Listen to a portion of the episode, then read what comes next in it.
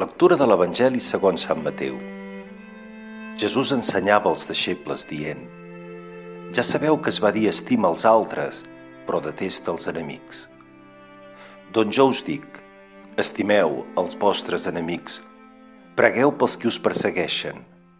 Així sereu fills del vostre Pare del cel, que fa sortir el sol sobre bons i dolents i fa ploure sobre justos i injustos. Perquè si estimeu els que us estimen, quina recompensa mereixeu? No fan el mateix els publicans. I si només saludeu els vostres germans, què feu d'extraordinari? No fan el mateix els pagans.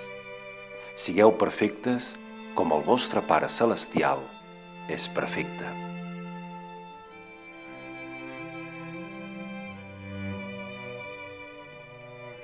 L'amor és el cor del missatge cristià.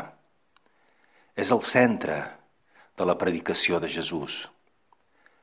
Un amor real, concret, holístic, és a dir, que comprèn totes les facetes i tots els racons de la nostra personalitat, del nostre fer, dels nostres sentiments, dels nostres pensaments, i que arriba fins i tot a aquells que no ens estimen, que ens odien, que parlen malament de nosaltres, que ens persegueixen.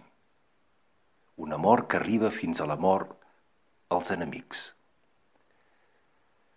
Tots, d'una manera o una altra, tenim algun enemic, és a dir, una persona amb la qual no acabem de lligar ben bé, una persona que parlat malament de nosaltres, una persona que ens és hostil declaradament o d'una manera més o menys amagada. Jesús ens diu que no hi siguem indiferents ni que els tornem mal per mal, sinó que els estimem és a dir, que desitgem el seu bé i que fem allò que està al nostre abast per a la seva felicitat. Estimar vol dir això, voler el bé de l'altre, desitjar i fer els possibles perquè l'altre sigui una mica més feliç. Jesús ens demana que estimem fins a aquesta mesura i que preguem pels qui ens persegueixen, pels qui de manera clara i objectiva ens fan mal, volen el nostre mal, perquè ell desitja per a nosaltres i per a tots la felicitat. I la felicitat només s'obté si d'alguna manera participem de la qualitat d'amor de Déu mateix. Es tracta d'això, la perfecció de Déu. Déu que fa ploure sobre justos i injustos i que fa sortir el sol sobre bons i dolents.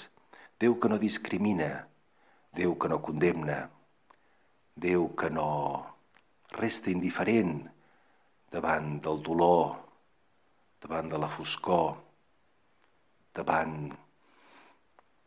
de qualsevol fill seu. Siguem perfectes, desitgem ser perfectes, demanem ser perfectes a Déu com ell ho és. No per ser més, sinó per ser allò que tots estem cridats a ser. Perfectes en l'amor, com ho és el nostre Pare del cel.